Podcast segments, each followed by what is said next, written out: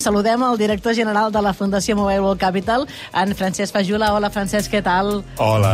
Com estàs? Content així, inaugurant el teu càrrec de director general en el primer Mobile World Congress que, que ets. Hem trobat que és un pas endavant brutal eh, pel que fa al Years From Now, pel que fa, bé, a Bit Barcelona, no? que ens heu deixat aquest raconet.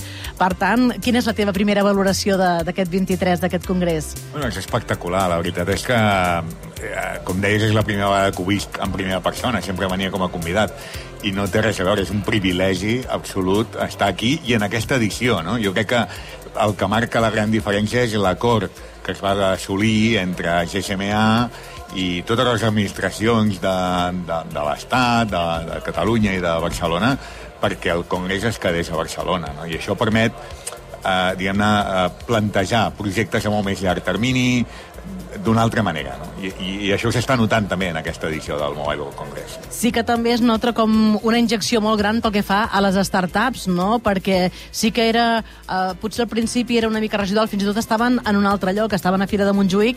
Ara to- tot això sí, és com una, una excitació col·lectiva, una mica tecnològica, no?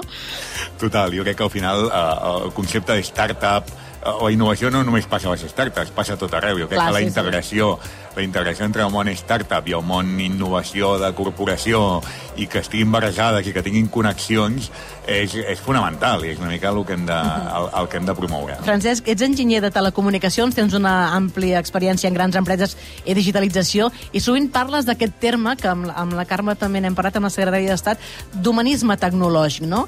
Um, què és important que posem la, les persones al centre, no?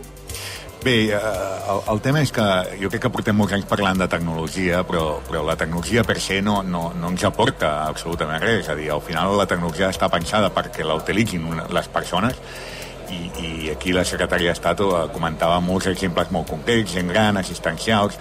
Hi ha molts casos en els que la tecnologia està ja fent un favor espectacular a molts col·lectius de persones um, i, i, i això ha d'estar al centre. I un altre terme que ha d'estar al centre de la tecnologia és el concepte de sostenibilitat. Um, la tecnologia té molt a veure, té molt a dir amb això i jo crec que és el moment en què posem tot això en el centre. No? De fet, um, col·laborativament amb la Secretaria d'Estat, precisament tenim una iniciativa que es diu Digital Future Society, que és una, un projecte que bàsicament pretén que des de Barcelona, des d'Espanya, posem a tot el món en debat sobre quins són els valors que volem que aquestes noves tecnologies transmetin a la societat. No? I, quin, I quina estructura social volem també en aquesta nova societat digital. No? I, jo amb això tinc algun dubte perquè hi ha, els especialistes d'intel·ligència artificial sempre diuen i remarquen, sobretot, uh, López de Mantres, etc, sempre diuen hem de posar-hi ètica perquè això se'ns està anant de les mans i hem de posar ètica. I els que en saben més són els que estan dient que frenem això, que, que totes aquestes converses eren prèvies al xat GPT, és a dir, que tot s'ha accelerat. Europa vol, vol ara aprovar una llei que posi semàfors, no?, quan estem utilitzant la IA o quan no. Però, clar, si la resta del món no va amb aquestes lleis, de quina manera es- estem, re- podrem regular la intel·ligència artificial? Secretari d'Estat, tens resposta a això? I tant, que en tenim. Mira, nosaltres fa dos anys vam fer des d'Espanya la Carta de Derechos Digitales, no? que ha inspirat la Declaració Europea de Principis i Drets Digitals i que, a més, ara proper març afirmarem amb tots els països d'Iberoamèrica. Però ja vam començar a parlar dels, de, dels límits morals del desenvolupament tecnològic i com garantíem que no perdíem en aquest viatge drets fonamentals que com a societat ens ha costat eh, tants cicles conquerir, sobretot les societats democràtiques. Uh -huh. Després, com tu bé mencionaves, eh, a Europa ha pres el camí de la regulació en molts aspectes, primer amb les dades personals, també amb el límit de les plataformes, com la DSA, la DMA, i ara amb el Reglament Europeu d'Intel·ligència Artificial, en el qual Espanya és el seu país pilot. Estem pilotant nosaltres d'Espanya el futur reglament de la intel·ligència artificial i també som el primer país del món que tindrà una agència de supervisió de la intel·ligència artificial a nivell nacional.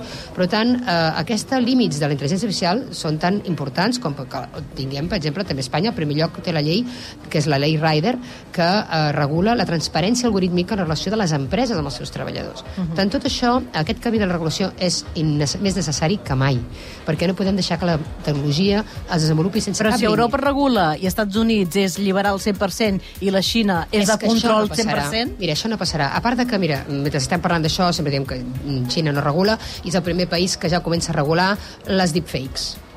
Uh, a, a Corea del Sur estan posant un principi ètics del metavers I saps què passa? Que aquesta regulació sí que és una regulació tècnica legal, però sobretot és una regulació moral. Quan tu regules tot això estàs creant un estàndard moral.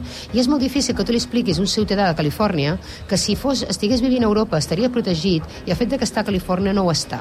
Llavors el que va passar aquí el que esperem que passi és el mateix que la GDPR, que al final era una, una norma que tothom es pensava que només seria europea i al final adapta tot el món perquè els ciutadans diuen, escolta, ja sé que això és legal al meu país, però no t'ho permeto. I llavors igual l'empresa cau 36% a bolsa, que li va passar a Facebook amb Cambridge Analytica. Mm. No solament es pot regular per llei, com fem a Europa, també es regula per reputació. I sobretot es regula quan la ciutadania exigeix certs drets o no tolera segons quines coses, encara que siguin legals al seu territori. Doncs veurem a què passa. Um, què no ens hem de perdre de la Mobile World Capital que heu organitzat en aquest congrés? Um, crec que hi ha coses que té a veure amb l'olor, també hi ha un concert d'Isal immersiu. Um, quins són els, les coses que no ens hem de perdre? Bé, aquí, primer de tot, hem, hem intentat humanitzar un altre cop la, la tecnologia, no? I el que hem intentat també és eh, fer aquesta barreja, aquesta mescla entre eh, realitats virtuals, realitats augmentades i, i, i presencialitat que, que és una mica el futur que ens està ja venint ara mateix. Uh, I el que hem volgut és, a través dels cinc sentits del cos humà, uh, fer un recorregut experiencial perquè tothom pugui veure persones, puguin disfrutar realment de què significa o què habiliten les paraules 5G, intel·ligència artificial, que són paraules molt etèries per a la majoria de persones, que ho puguin experimentar quin és el resultat o casos molt concrets d'això, i les empreses també de diversos sectors que puguin veure quins són els casos durs, els models de negoci que poden venir en un futur i que els puguin il·lustrar, no? I això ens està passant constantment. Uh, al final hem, hem fet un recorregut a través de, el concepte aquest dels, dels sentits, que es diu Field de Technology, que comença en el nostre stand del Mobile World Congress i que segueix després en el Fourier Formal i després en aquest Espai Bit, que estem ara mateix. Uh, en, el, en el Congrés, al final, el que fem és que creem un avatar per qualsevol persona que vingui, qualsevol congressista. Aquest, aquest avatar és un avatar fotorealista, és a dir, és una representació molt fidedigna de la cara, com a mínim, i de les expressions de la persona, i a partir d'aquí pot accedir a tots els metaversos, a tots els, les experiències virtuals que tenim dissenyades a continuació, no? que insisteixo que són virtuals presencials, en aquesta barreja eh, estranya i, i, i, molt, i una mica futurista en segons quins termes. Però el futur serà híbrid, no? Una mica entre no. a, a dins i a fora i tot plegat. Permeta que digui que a part de que això té el francès, també una cosa que no es poden perdre, Francesc, que és el, la conferència del Digital Future Society del dimecres, el Summit, del, de 3 a 6 de la tarda. És, mo, és molt important perquè, a més a més, hi ha gent que, que pensa molt, que en sap molt i que està posant això, el que dèiem, la persona al centre i aquest humanisme tecnològic. Va, us faig la consulta de dos quarts. Cada dia nosaltres fem una pregunta sobre hàbits digitals al programa i preguntem, avui, el primer dia del Mobile World Congress, preguntem, podries viure sense mòbil? Francesc Fajula. Definitivament no. Definitivament no. I la secretària d'Estat, Carme Artigas, podries viure sense mòbil? Tampoc, ara ja no. Ara no, ja no, però desapareixerà en un futur, eh? també ho hem dit. No, eh? però serà la mà, serà... A qualsevol lloc, no? Ulleres. Clar, i, i hem dit, a més a més, entre parèntesis, què trobaries a faltar més? I la gent diu, el mòbil. Sí. Moltíssimes gràcies. Uh, doncs això, obrim ja tret de sortida d'aquest Mobile World Congress. Realment és molt uh, il·lusionant, uh, molt esperançador, i ja no es tracta de xifres ni si arribem als 80.000 i si superem els de tal, sinó que es tracta d'anar veient doncs, les moltes coses i les moltes possibilitats que et dona la tecnologia pel nostre dia a dia. Moltíssimes gràcies una vegada més. Tu, Mariela. Gràcies. gràcies una abraçada.